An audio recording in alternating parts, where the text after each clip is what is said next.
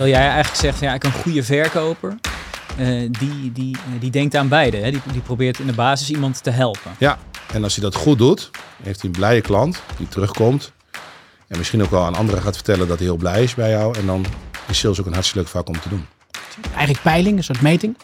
Waarin we ook uh, uh, vragen, goh, wat zijn nou eigenlijk de ontwikkelingen die je uh, ook vanuit het vak en in de omgeving ziet. En die, die, die vraag die stel je aan sales professionals? Ja, okay. ja die ja. stellen we aan, aan de mensen zelf. Ja. en dus heb je meer mensen nodig om. Maar ik denk dat de enige, dat is een hele bekende quote natuurlijk, maar het enige wat we zeker weten is dat het anders gaat zijn dan nu.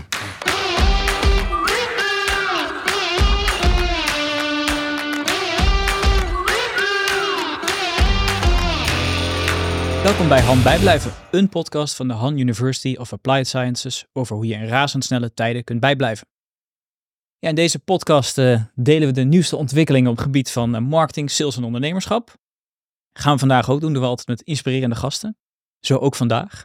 Uh, en dit ga ik even van mijn speakbriefje afkijken, want we hebben vanavond niemand minder te gast dan de Han Lector Kansrijk Ondernemen en Academic Director van de Master Business uh, sorry, de Master Business Sales, moet ik wel goed zeggen. Thomas, Thomas Lans, welkom. Ja, dankjewel, dankjewel. En een van de hoofdcenten van deze nieuwe uh, master, uh, Stefan Renkema. Dankjewel. Welkom. Um, ja, om maar meteen bij de basis te beginnen. Wat is sales? Zal ik die eens beantwoorden, Thomas? Het lijkt me. je mag uiteraard aanvullen. Ja, weet je, sales voor mij, en ik denk dat heel veel mensen dat ook zullen herkennen, is in de basis gaat over helpen. En het is wel misschien leuk om te vertellen dat als je helemaal teruggaat naar de oorsprong van het woord sales, en dan kom je in het oud-Engels terecht op een woord dat heet sellan. dat heb ik ooit in een boek gelezen en dat werd ook gebruikt als een soort basis voor wat is sales nou eigenlijk. Maar in essentie gaat sales over geven, want dat betekent dat woord geven en dat werd later overgeven voor geld. Maar als je kijkt naar de essentie van het vakgebied sales, en ik denk ook als je 9 van de 10 salesmensen dat direct zou vragen, dan worden ze blij van het helpen van hun klanten. Hm. En daar gaat in essentie sales over. Oké.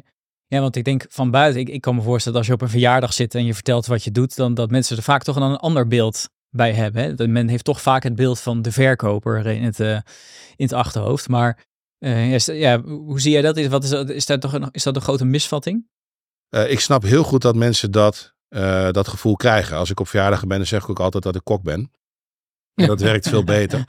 Nee, maar zonder dolle. Uh, ik denk als je, als je kijkt hè, waar, waar mensen dat beeld vandaan halen, is datgene wat ze heel vaak ook zien. Want net zoals in elk vak, je hebt slechte doktoren, maar je hebt ook heel veel verkopers die dat vak uitoefenen, niet om te helpen, vooral om zichzelf te helpen.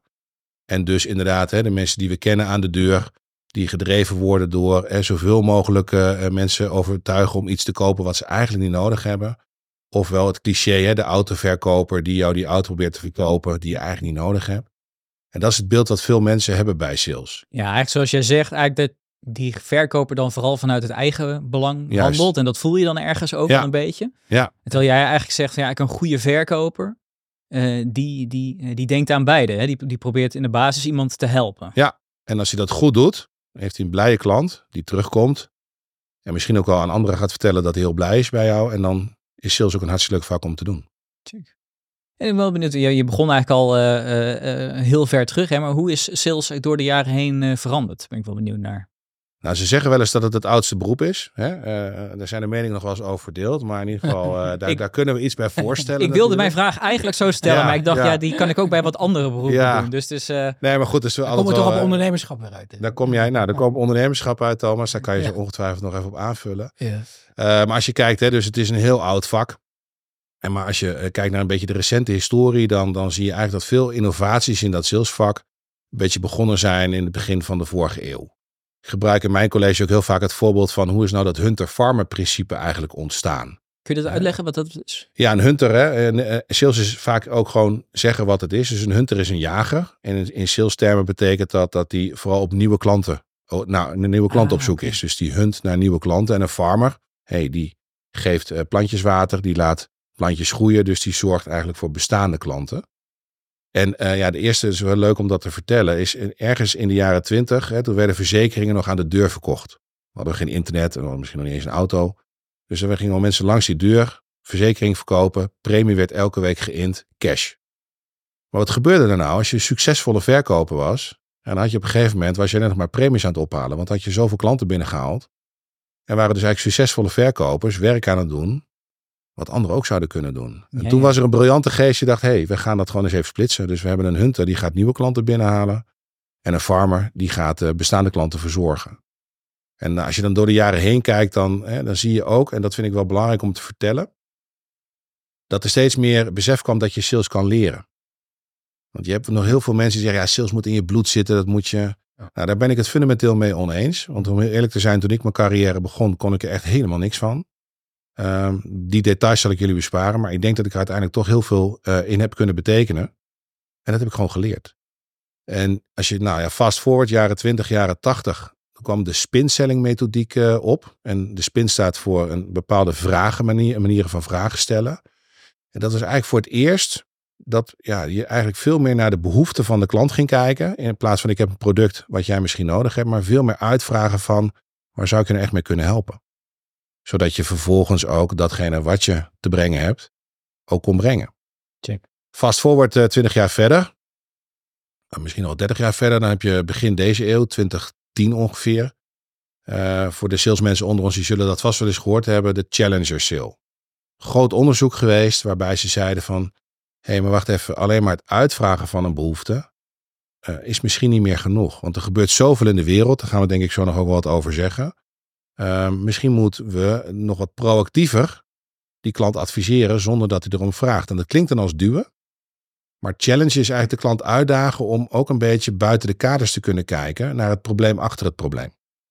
En uh, dat is een mooie methode, gestoeld op best wel veel onderzoek. Dus ook wel in mijn beleving uh, hard gemaakt. Um, die eigenlijk aantoont dat mensen die niet bang zijn om af en toe even de confrontatie met een klant op te zoeken op de inhoud, uh, vaak de meest succesvolle verkopers zijn. Ja, en dat gaat er eigenlijk vanuit dat die potentiële klant zich ook nog niet helemaal bewust is van wat misschien nu of in de toekomst zijn behoefte dan is. Ja, dat klopt. Heb je een voorbeeld van, van hoe je dat, die Challenger methode toepast? Nou, het is misschien wel een mooi voorbeeld wat iedereen ook kan nazoeken. Er is een mooi filmpje van KPN dat ik heel vaak gebruik in mijn colleges, waar mensen gevraagd worden of ze behoefte hebben aan een mobiele telefoon. Oh, dus dat, dat, dat filmpje kennen de meesten filmpje... van ons vast wel eens een keer gezien. Ja, ja, ja. Waarop iedereen zei, nou ja, er is een paar langs de weg en anders is er altijd wel een boer waar ik kan bellen. Of... Dus mensen hadden geen benul van wat het voor ze zou kunnen betekenen. Hey, en ja, tegenwoordig kunnen niet meer zonder. Dus dat is misschien wel een mooi voorbeeld. Als, als je een klant vraagt wat hij nodig heeft, gaat hij vertellen vanuit het referentiekader wat hij op dat moment kent. Als je klant uitdaagt om buiten dat kader te kunnen denken, kom je misschien wel op hele andere zaken waar die klant nog niet eens aan gedacht heeft. En dat is een, een, een ontwikkeling in die tijd geweest, 2010 ongeveer, waar ja, de betere verkopers in uitbleken te blinken en dus ook veel succesvoller bleken te zijn. Ja, check. En dat is dus niet zozeer. Ja, het is natuurlijk een nieuw concept, maar je zegt eigenlijk ook, volgens mij zei je dat ook, dat, dat vooral eigenlijk in deze tijden dat dat steeds belangrijker wordt. Ja, en er is een hele simpele reden voor. Want we worden als klanten, dat ken je van jezelf ook, we worden steeds uh, uh, beter geïnformeerd. Hè? Informatie is overal beschikbaar. Dus uh, de pratende brochure, zoals ik wel eens noem, de klant heeft jou niet meer nodig om uit te leggen wat er allemaal kan. Die heeft jou nodig om nou ja, buiten die kaders te kunnen denken aan, aan dingen waar hij zelf nog niet aan heeft gedacht. En dat is een, ja, vind ik een fundamenteel andere rol die we nou ja, in, in de salesontwikkeling hebben gezien. Ja. En natuurlijk is het zo als jij, um, het geldt niet voor alle salesmensen. Als jij gewoon met alle respect sinaasappeltjes verkoopt op de markt, hm. ja, dan hoef je een klant echt niet uit te dagen om uh, misschien eens een keer een, uh, een stoeptegel te kopen. Van, ja, dat snap je. Dus je ja. moet ook Ja. kijken, hè, van, het is niet op alles van toepassing, maar als je kijkt naar wat complexere producten en diensten, is dit wel waar de wereld naartoe aan het bewegen is.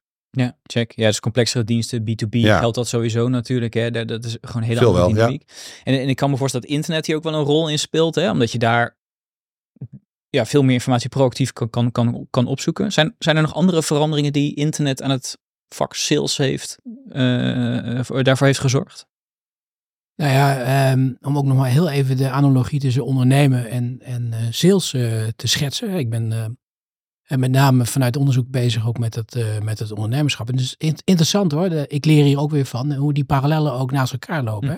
Want ondernemen heeft ook een, een, een connotatie. Als je twintig jaar geleden had gevraagd, ja, dat was ook niet echt, echt iets wat je zou moeten gaan doen. hè. Dus je, je wilde juist eh, voor een corporate werken of voor een grote organisatie. hè. En ondernemerschap was dan een beetje second best choice of zo. En als je ziet hoe dat ondernemerschap een vlucht heeft genomen de afgelopen 10, 15 jaar, hè, ook onder jongeren. Ja. vanuit de beweegredenen dat je ook een, een verschil zou kunnen maken, dan zie je daar ook duidelijke veranderingen in, in ontstaan. En wat ik ook een hele leuke analogie daar ook in vind met sales, is het idee dat je inderdaad uh, met een waardepropositie echt uh, gaat werken. Er is een gevleugelde uitspraak van een hoogleraar in Amerika die zegt, ja ondernemers jongens, de grootste fout die jullie eigenlijk maken is building something nobody wants. Dus ook weer die productpush. Dus eigenlijk zou je veel meer van die saleskwaliteiten mee moeten nemen in je, in je bedrijf. Misschien begint het daar juist ook wel. En het is ook vaak makkelijker om dat, uh, om dat te onderzoeken.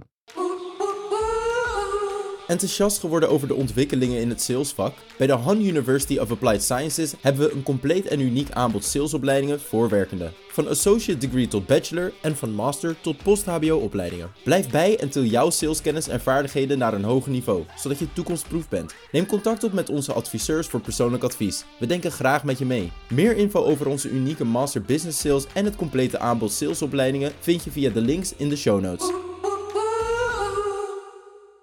Dus die, die, die, die beweging die je denk ik in het salesvak ziet, zie je denk ik ook wel in dat ondernemerschap. Um, en om op je vraag terug te komen, hè, waar is het nu ook weer aan het veranderen? Nou ja, dan, zijn, dan zijn er in ieder geval twee hele dominante trends, denk ik. Hè. Dat is de digitaliseringskant, uh, kunstmatige intelligentie. Waardoor je ook allerlei voorspellingen, algoritmes ook kan doen aan de voorkant. Misschien ook om datastromen een beetje te te, te sturen. En aan de andere kant natuurlijk ook uh, wat, ja, wat je zou kunnen noemen het uh, meervoudig waarde denken. Hè? Dus uh, ook het idee wat heeft waarde mm -hmm. is natuurlijk behoorlijk aan de verandering onderhevig de laatste jaren. Kun je die even uitdiepen? Want ik ja. kan me iets bij voorstellen dat dat waar natuurlijk veranderen. Maar ja. wat is de rol van internet daar dan, dan in? Ja, het zijn, het zijn denk ik uh, aan de ene kant op zichzelf staande trends en, en, aan de andere kant komen ze denk ik ook wel bij elkaar. Uh, vanuit het lectoraat doen we uh, ook uh, onderzoek. We doen sinds een jaar of zeven nou denk ik, hè, Stefan? Ja. onderzoek bij de Sales and Management Association, de, de beroepsvereniging van sales professionals. doen we een jaarlijkse eigenlijk peiling, een soort meting. Waarin we ook uh, vragen, goh, wat zijn nou eigenlijk de ontwikkelingen die je ook vanuit het vak en in de omgeving ziet. En die, die, die vragen stel je aan sales professionals? Ja, ja die stellen we aan, aan de mensen zelf. naast een aantal standaardvragen die we ook elk jaar meenemen. Nou ja, dat zie je dan in de resultaten ook van de Sales and Management Association Index, de SMA-index van vorig jaar. Dat bijna de helft, ik geloof 45 procent van de bedrijven die maakten gebruik van eh, AI, kunstmatige intelligentie. En met name dan in de prospectingfase, in het uh, identificeren, benaderen van uh, potentiële klanten, leads. Um, en je ziet daar ook dat het tempo waarin nieuwe toepassingen vanuit AI verschijnt, ja, dat het enorm hoog is. Dat vraagt dan ook van die bedrijven om daar ja, ook heel kritisch naar te kijken. Hè. Wat werkt dan? Wat wil je daadwerkelijk adapteren in je bedrijf? En als je dat dan uh, goed doet, dan levert dat ook wat op. Want we zien ook al voorzichtig in die SMA-index dat er een relatie is tussen eh, AI en uh, winstgevendheid van het bedrijf. Um, dat betekent overigens niet dat um, die menselijke factor helemaal verdwijnt. Hè? En dat is denk ik ook wel het bruggetje naar die andere ontwikkelingen die we daarin hebben bevraagd. En dat is het belang van, ehm, van duurzaamheid. Hè? We vragen bijvoorbeeld in welke mate um, de sales professionals de, de Sustainable Development Goals um, integreren in hun propositie. Niet onbelangrijk, hè, gezien de staat van uh, onze planeet. Maar ook uh, juist omdat de sales professional daar een hele belangrijke uh, rol in speelt. in het onderzoek wat we hebben gedaan zie je dat dat bijna 65% is die daar ook bewust aandacht aan besteedt. En ik denk dat dat aan de ene kant uh, te maken heeft met het feit dat uh, organisaties duurzaamheid ook serieus nemen. door daar ook aan de bedrijfskant ook in, in te investeren. En aan de andere kant hebben die sales professionals natuurlijk ook te maken met klanten die dat vaak willen. Maar die misschien ook wel af en toe wat sceptisch staan hè, ten opzichte van claims die gemaakt worden. Nou ja, die sales professional, die is hier natuurlijk de bruggenbouwer, de, de boundary crosser. En dan misschien een beetje een leuke anekdote daarin ook te schetsen uh, in de, de master sales waar we uh, mee bezig zijn. Daar komen we denk ik zo ook nog wel even op terug. Um, dat was een, een vraag, kan ik me herinneren, van, van een van de docenten daar. Hè, als je het hebt over je stakeholders, wie, wie, heb je meegenomen in, uh, in je onderzoek? En toen was de vervolgvraag, um, heb je ook een stoel gegeven aan de natuur? In, in dat vraaggesprek. En toen was er eerst een reactie van ja, goede vraag eigenlijk.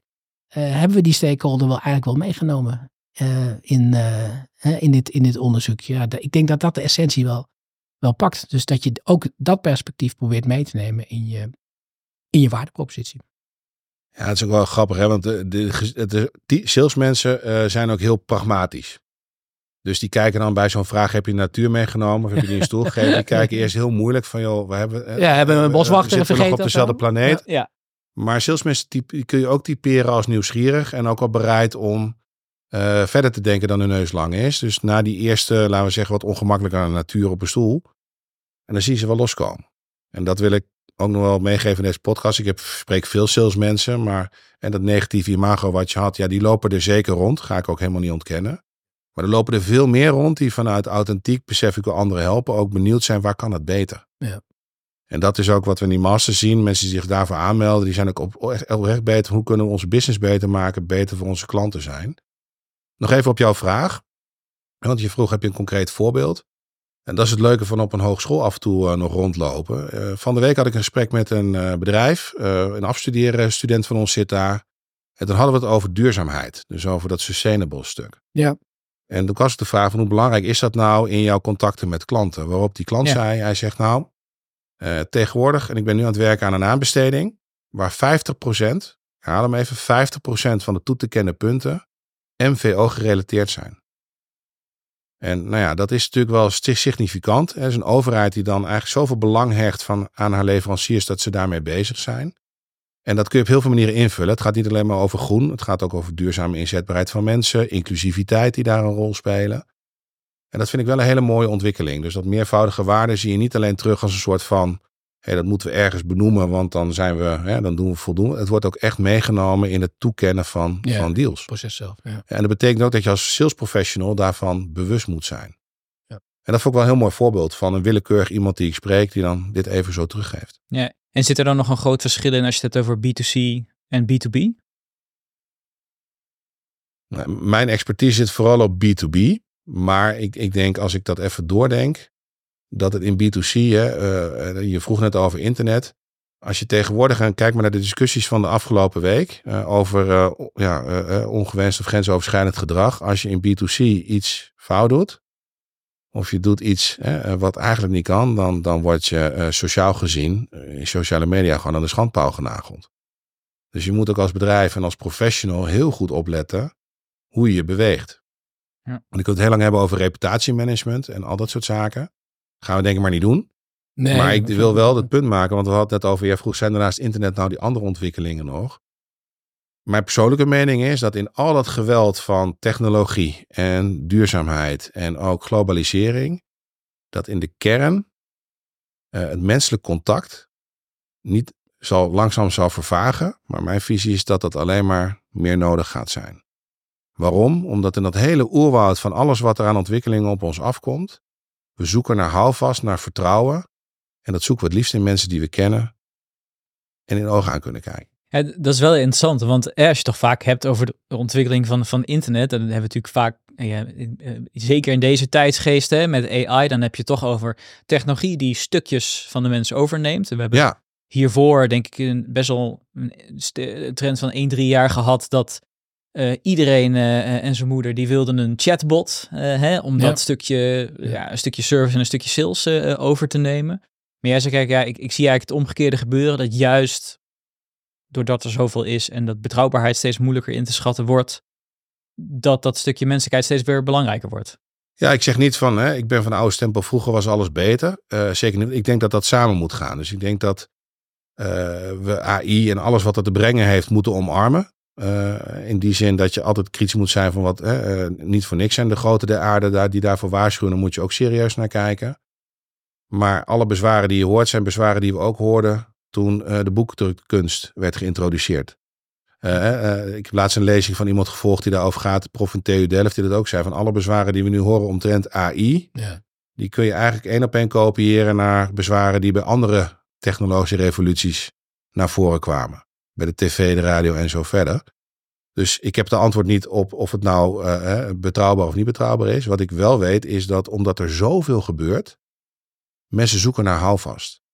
En die vinden ze niet in het chatbot. Dat is handig voor een paar korte vragen. Maar als het gaat om wat complexere sales, dan is de symbiose, denk ik, van personen die gebruik maken van handige hulpmiddelen om met goede inzichten, goede adviezen, goede oplossingen te komen voor vraagstukken. Die twee, nou, dat, is, dat zijn de winnaars van morgen. Check. Ja, dus misschien kun je wel stellen dat uh, AI sales niet gaat vervangen, maar salesmensen met AI gaan wel beter zijn dan salesmensen zonder AI. Ja, en ik denk dat vind ik wel heel mooi dat je het zegt. Um, is heel vaak geroepen de afgelopen 20, 25 jaar dat salesmensen een uitstervend ras zijn. Want alles gaat online en alles gaat digitaal en die salesmensen voegen weinig waarde meer toe. En ik zie eigenlijk het tegenovergestelde gebeuren. Voor goede salesmensen, goede verkopers. En dat zie je ook, die zijn, dat zijn de mensen die regie kunnen nemen in dat proces waar die klant zijn beslissingen neemt. Ja, want, eh, je, want je begon natuurlijk het verhaal over Cellon. Ja. Als je puur naar het, het einde gaat kijken, hè, van, soort van dat, dat, even het gechargeerd dat laatste stukje het verkopen, daarvan kun je zeggen, ja, de consument heeft met internet veel meer informatie hè, waar die bij kan. Ja. Maar dat stukje ervoor wordt misschien dus inderdaad juist wel belangrijker. En onderstreep maar eens waarom sales inderdaad geen uitstervend ras is. Want juist daar komt misschien alleen maar weer meer behoefte aan. Ja, en ik, ik, ik vind het, ja, ik ben natuurlijk van de sales, maar ik spreek voor mijn eigen beroepsgroep. Maar het, het, zit een soort uh, resilience, noemen ze dat volgens mij. Er zit een soort overlevingsdrang in die salesmensen. Uh, zodat ze elke keer weer opnieuw uitvinden. En dus waarde blijven toevoegen. En dat, dat vind ik prachtig in dat vak om te zien. Ja. dat salesmensen vooral ja, met elkaar kijken van hé, hey, wacht even, op deze manier gaat het niet meer werken. En die mensen die er niet in mee kunnen, vallen dan ook af. Maar de mensen die wel mee kunnen, krijgen eigenlijk veel meer toegevoegde waarde in dat proces zoals jij beschrijft. Ja, ik denk wel dat die, dat die rol uh, ingewikkelder wordt. Dat die, uh, do, ja, doordat dat meervoudige waarde denken, doordat die AI er tegenaan gezet wordt, dat het nadenken over welke rol vervul je nou eigenlijk ook in dat ja, in dat systeem, dat dat een belangrijkere vraag wordt. Kun, je zeggen dat het in die zin veel meer vraagt ook wel van mensen die in sales actief zijn? Ja, het is natuurlijk moeilijk om dat zo, zo te zeggen, maar ik, intuïtief zou ik wel zeggen ja. dat dat in ieder geval een wat meer een helikopterachtige blik ook vraagt van de, van de sales professional. Om je ook te bewegen in die verschillende paden. Hè, die, uh, nou ja, om op zoek te gaan naar die verbinding. En, en dat je daar misschien ook wel een heel proactieve rol in kunt spelen. Dan kijk ik ook even naar Stefan. Want ik denk dat we dat, hè, die, die, die regierol ook wel wat meer proberen te, te duiden. Hè, te benoemen ook in de, in de, in de master. Nou, eh, als ik mag inhaken, ja, je zegt, vraagt het nou veel meer. Ik denk dat het dat vooral wat anders, vraagt. Ja. dus uh, het is niet bij te houden voor jou niet, voor mij niet, voor eigenlijk niemand niet. Alles wat er gebeurt, om dat allemaal in het hoofd van die salespersoon te krijgen, zodat hij die klant... Dus het is een soort, uh, uh, noem je dat, harde schijf, wat we maar dat volpompen en dan hopen dat dit kan reproduceren. Dus wat je in, zeker in de complexere sales ziet, is dat aan de klantzijde er steeds meer mensen betrokken zijn bij besluitvorming ook vanuit onzekerheid. Dus iedereen moet er eigenlijk een soort van zijn plasje over doen. Mhm. Zodat we met z'n allen de juiste beslissing nemen. Dan, als je daar de getallen op naast slaat, die heb ik niet meteen helemaal paraat. Maar is dat de laatste 10, 20 jaar bijna ja, verdubbeld. mij ook. Ja. En dan noemen we dan de DMU. Dus er zitten gewoon meer mensen aan tafel. Als je pech hebt, hebben die ook nog een andere of tegenovergestelde agenda. Dus de een wil links, de ander rechts. En jij moet ze allebei te vriend houden. Ja. Dat betekent dus ook dat, dat ehm, als je kijkt naar de literatuur op dat vlak, dat die rol van die salespersoon niet meer is, ik ga dat allemaal zelf managen. Maar ik ga managen dat aan onze kant van de tafel er de juiste mensen op de juiste tijd, met de juiste kennis, kunnen sparren. Dus ik ga een soort, nou vergeef het woord, maar een soort Tinder-functie, uh, ik ga matchen. Hè, zodat wij zorgen dat de juiste mensen met onze juiste mensen kunnen spreken. Zodat ze nou, de juiste vraag kunnen stellen en de goede antwoorden daarop krijgen. Want die salespersoon zelf kan het allemaal niet meer behappen. Dus Nee. die rol verandert van, laten we zeggen, eh, beheerder van die klantrelatie. naar eigenlijk regisseur van Ja. hè, Ja. eh, stakeholders in die keten met elkaar in contact brengen om, om tot de juiste oplossingen te komen. Ja, dus ook andere vaardigheden die daar. eh, daar dus, dus misschien inderdaad niet eh, eh, eh, hoe noem je het, ingewikkelder, maar wel an- andere vaardigheden. En, Ja. voor, en, en voor een deel ook wel vaardigheden die, die so- eh, eh, soms wel wat meer achtergrond ook eh, eh, eh, eh, eh, benodigd hebben. Hè, dus dus ik, ik zit bijvoorbeeld te denken aan, goh, ehm, hoe inventariseer je nou hè, die verschillende eh, eh, st- eh, stakes die, die er zijn? Eh, eh, wat, wat betekent dat voor de eh, verschillende inbreng van, van waardes? De- Weet je hoe de hazen daarin in lopen? Ehm, wie zit er eigenlijk in je, in je waardeketen? Ehm, nou, eh, dat soort type vragen, dat zijn wel vragen die, die vaker zullen terugkomen voor, voor deze groep. En dat zijn toch wel andere vragen dan. Ja, het is wel grappig. Ik dacht, we gaan het in dit. eh, we gaan het vandaag hebben over. eh, vaak gaat het toch over technologische ontwikkeling. En Ja. Ik merk eigenlijk, nu we het er zo over hebben. Ja. Het, draai- de technologie is eigenlijk helemaal niet leidend hierin, maar veel meer hoe.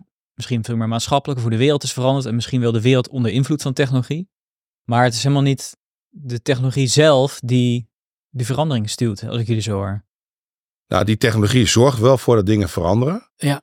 Dat, dat zijn we denk ik al met elkaar eens. Ik bedoel, als, we van, als ik nu vandaag tegen jullie zeg, stel je eens een wereld voor waar morgen gewoon geen elektriciteit is en dus ook geen internet, dan vinden heel veel mensen dat heel lastig. Want daar zijn we gewoon aan gewend. Dus salesmensen hebben te maken met technologie en, en moeten daar ook echt iets mee. En je kan niet meer zeggen, ik heb visitekaartjes en dan doe ik mijn Rolodexje en dan heb ik mijn eh, netwerk wel op orde. Die zijn er nog wel, maar die zijn wel Ja. in de minderheid, zal Ja. ik maar zeggen. Ja. Dus als je je hoofd in het zand steekt van technologie is voor ons niet belangrijk. En nogmaals, hè, dat zal voor de ene sector weer eh, anders zijn dan voor de ander.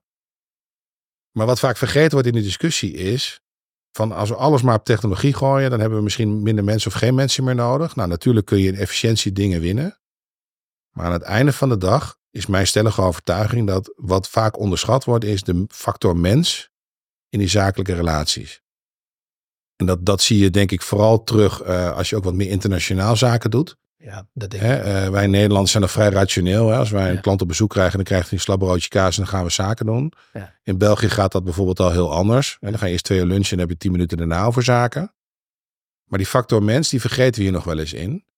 En eh, de winnende sales professional en organisaties zijn de organisaties die die twee dingen samen kunnen nemen. Hm. Dus als jouw stelling is van nou, technologie is niet een, echt een factor. Nee, die is wel degelijk een factor. Maar technologie alleen Niet. is niet Nee. waar die wereld naar, naartoe beweegt. Ik denk juist dat die factor mens en hoe die met die technologie om kan gaan. En dan nog even los van de ethische aspecten daarin. Ja, dat is eh, waar een organisatie en waar jij als sales professional mee bezig moet zijn. Hoe pas ik me eigenlijk aan aan die veranderde omstandigheden en hoe blijf ik daar waardevol in? Check. En, en als we het dan wel hebben over het stukje technologie, ja, ik kom er toch even terug Ja, op AI, want dat is toch nu interessant. Hè? Van, eh, volgens mij noem je toen straks al een stukje dat het in prospecting eh, een rol heeft. Maar op wat voor manieren helpt, eh, is AI nu waardevol in sales? Kijk, de relatie tussen sales en technologie is natuurlijk niet nieuw.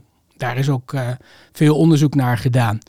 Ehm, maar de komst van AI, van kunstmatige intelligentie, betekent denk ik wel wat meer dan alleen maar een nieuw CRM-systeem. Eh, omdat het natuurlijk ook in staat is om zelf te leren en om taken uit te voeren. En zeker als het gaat om eh, uitzoekwerk, herkennen van patronen, eh, zeg maar het wat meer back-office eh, werk. Hoe dat voor een bedrijf specifiek uitwerkt, dat hangt echt wel van een hele hoop factoren af. Hè. Het bedrijf zelf, de sector, de business, maar ook wel niet onderschatten de beschikbare data. Want het is natuurlijk één ding om het eh, te willen inzetten, maar als je daar niet de data hebt waarin het kan leren en de financiële mogelijkheden, dan heeft het nog niet zoveel eh, zin. We zien tegelijkertijd wel veel van dit soort, ja, laten we zeggen, praktische voorbeelden bij onze studenten. Bij mijn studenten die hele chatbots inrichten voor kleine organisaties eh, waar ze dan toevallig een stage lopen. Mm. Dus, en dat is ook heel mooi om te zien dat studenten daar zelf ook actief in zijn. En er ontstaat er ook met een prachtig woord wat in onderwijs resoneert, maar andere leergemeenschap, dat studenten ook docenten ineens wat leren. Niks leuker dan dat. Ja. Als je kijkt naar de werkvloer, hè, en wat jij zegt, kijk, een, een, een algoritme is een soort programmaatje, zoals ik het zie, die eh, eh, bepaalde dingen heel goed kan. Dus bijvoorbeeld zoeken naar patronen in data. Dus wat je bijvoorbeeld ziet is een mooi, mooi Belgisch bedrijf dat er heel goed in is. Die zegt, nou weet je, wij gaan in basis van bestaande data analyseren wat de beste volgende actie is voor deze klant. Dus wij gaan jou, hè, eh, jouw 30.000 klanten gaan wij even doorlopen. Ziet maar even een hele snelle Excel en dan komt er een voorspelling uit wat jij het beste als volgende stap bij deze klant kan doen. Dus op die manier bespaar je heel veel tijd Ja. en, en ben je veel minder foutgevoelig, omdat AI jou helpt om Ja, een inschatting te maken van wat kan ik nou het beste bij deze klant doen. We kennen allemaal ChatGPT en sommige hebben 3.5, andere 4.0. Hè, Dat helpt natuurlijk ook enorm als een soort co-piloot van hey, ik moet een offerte schrijven of ik moet een stukje analyseren. Wat zou jij daarvan vinden? Ja, dat, Tegelijkertijd hè, ik, eh, eh, heb ik eh, eh, chat laatst ook nog betrapt. Dus dat is een ontwikkeling. Gaat veel sneller dan we denken. Maar die maakt toch nog wel eens een foutje. Dus het kritische, Ja, het kritische denkvermogen. Dat is heel belangrijk ook als mens. Van hey, het is een co-piloot. Maar het is niet een soort van heilige graal. Dat ik gooi er wat in en er komt altijd een eh, perfect antwoord uit. En dat bedoel ik ook met die symbiose tussen mens en technologie. Dat als, als je dat weet te realiseren, dan kun je ook met AI, en of dat nou een chatfunctie is of een, of een ChatGPT-achtige oplossing is, of hè, je laat een AI-tool meelopen. Vond ik interessant onderzoek in de VS. Overigens, kan ik iets toelichten, mag dat nog qua tijd? Ja, ja, voor mij wel. Ik was eh, twee jaar geleden was dat in de VS en er werd eh, bijvoorbeeld AI, AI ingezet op de volgende manier. Klanten die eh, geen klant meer waren, dus die zijn weggegaan. Al die klanten hebben ze geïnterviewd. Dat hebben ze laten doen door een extern bedrijf. Dus elke ex-klant die kreeg de vraag: zou jij ons willen vertellen waarom jij bent weggegaan? Nou, al die interviews zijn opgenomen, getranscribeerd. En daar is vervolgens een algoritme overheen gegaan met de vraag van kunnen wij op basis van die exitgesprekken voorspellen welke klanten een grotere kans hebben om terug te komen. Hm. En wat blijkt nou uit de data, en daar hebben ze natuurlijk een langer project van gemaakt om te kijken wie wel en wie niet terugkwam. En wat blijkt nou hoe concreter de feedback was, dus met voorbeelden, casussen, Ja. hoe kleiner de kans was dat zo'n klant uiteindelijk terugkwam. terugkwam. Ja.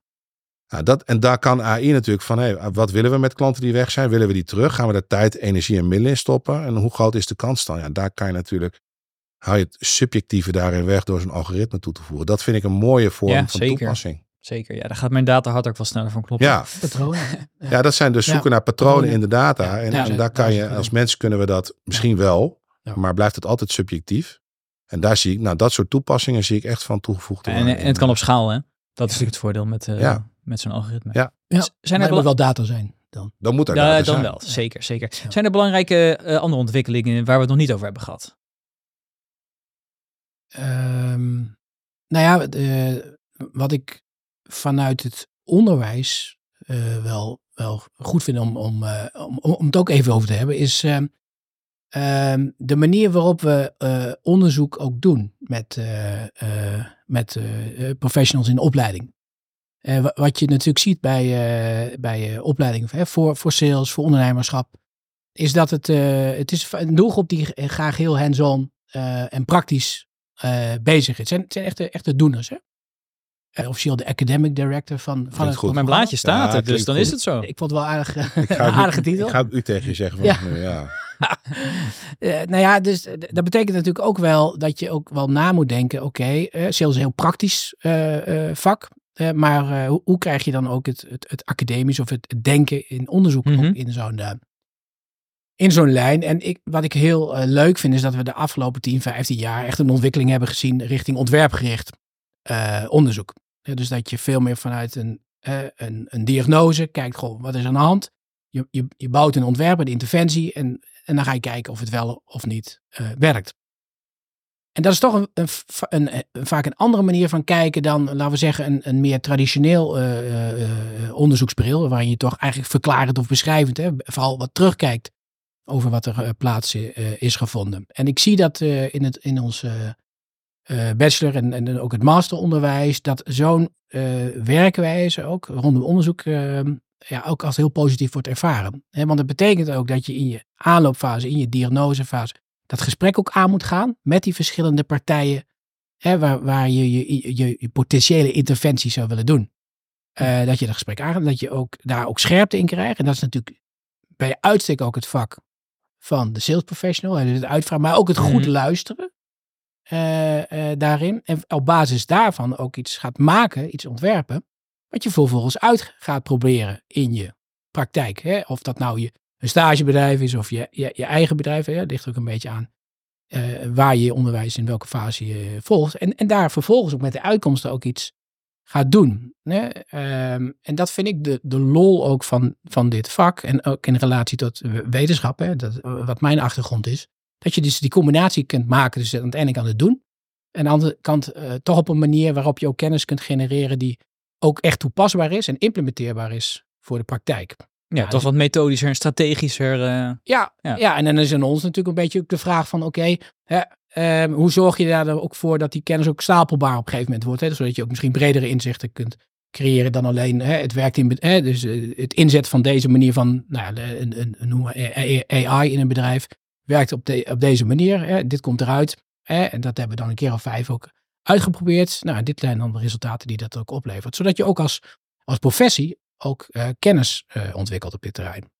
Dat vind ik eh, ja, vanuit, in ieder geval vanuit het onderzoek ook een hele belangrijke ontwikkeling. En dat is niet een ontwikkeling die, die vanzelfsprekend is. Nee. Hè? Ehm, want ook wetenschappelijk gezien is het een, is het een, een, een, een, een ehm, hè, dat, dat praktijkgerichte onderzoek, dat ontwerponderzoek, is een relatief nieuw gebied. Hè? mhm. Dat is eigenlijk best wel gek, want hè, in de, in de eh, engineering hè, bijvoorbeeld hoek is het eigenlijk heel normaal dat je Ja, ja, dat is waar. Dat is ook praktisch, maar wel. eh, Ja. ja. je hebt een bepaald doel wat je wil bereiken. Je maakt een ontwerp, je past het aan. Hè, of het nou in een vliegtuigbouw is of in, eh, in, in, in voeding.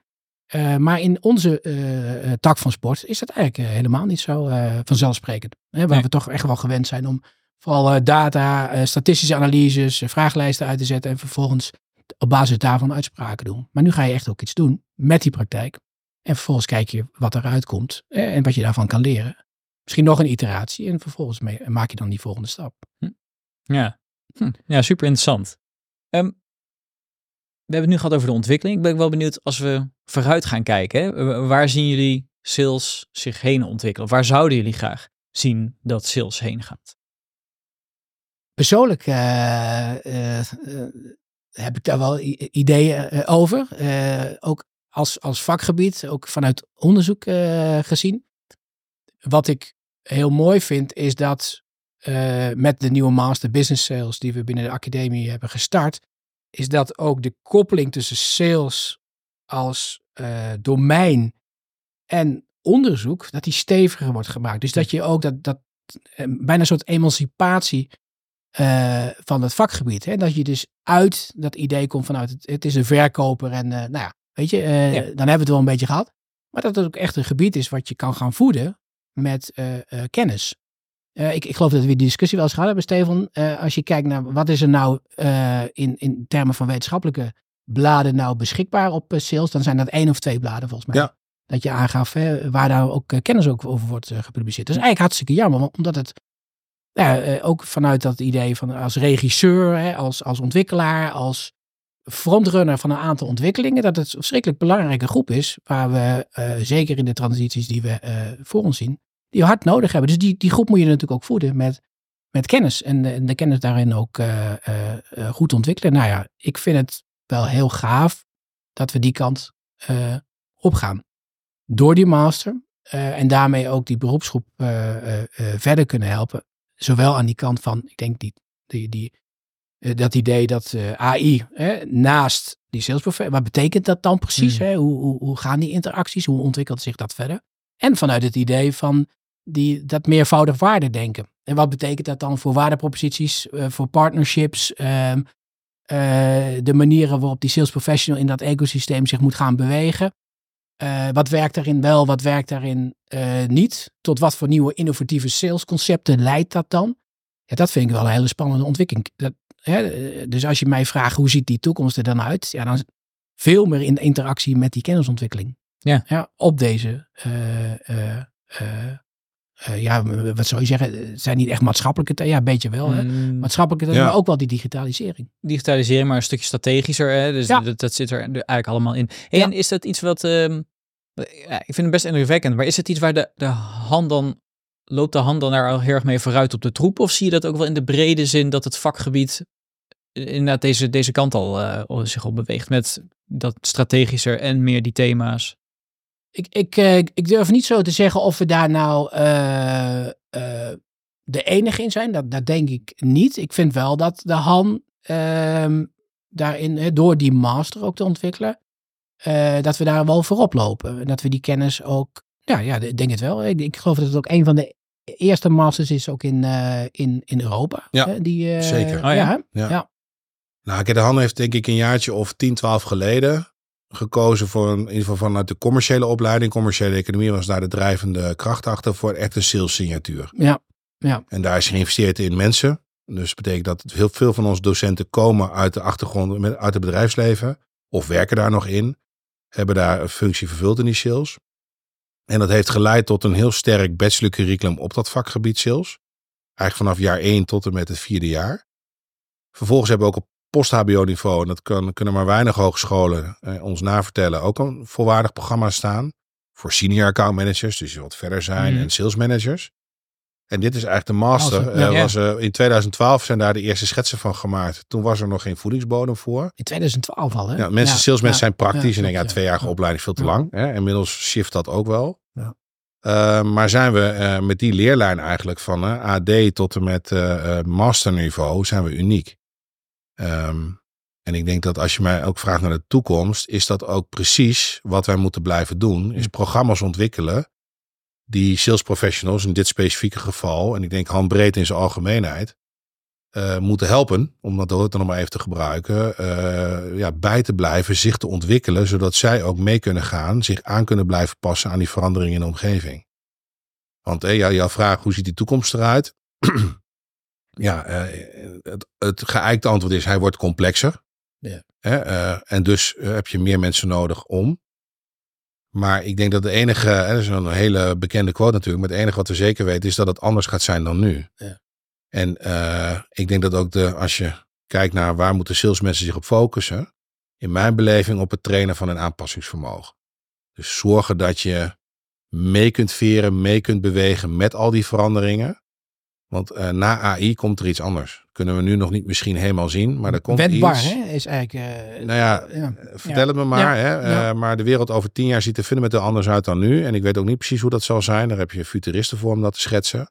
Maar één ding is zeker, als je als sales professional waarde wil blijven toevoegen, dan moet je investeren in je eigen aanpassingsvermogen. En Ja. dat hoeft helemaal niet veel te kosten, maar dat is wel iets wat veel salesmensen en zeker ook veel salesprogramma's die ik zie, te weinig doen. Je hebt nog heel veel salesprogramma's die trainen zoals we twintig jaar geleden deden. Hm. Maar nu leer je eh, eh, beter onderhandelen is altijd fijn. Ja.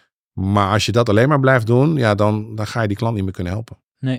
Nee, helder. En, en los van de, de, de eigen wendbaarheid, hè? eh, Ja. hoe zorg jij, deze podcast die heet Han bijblijven, Ja, maar hoe zorg jij dat je eh, zelf bijblijft?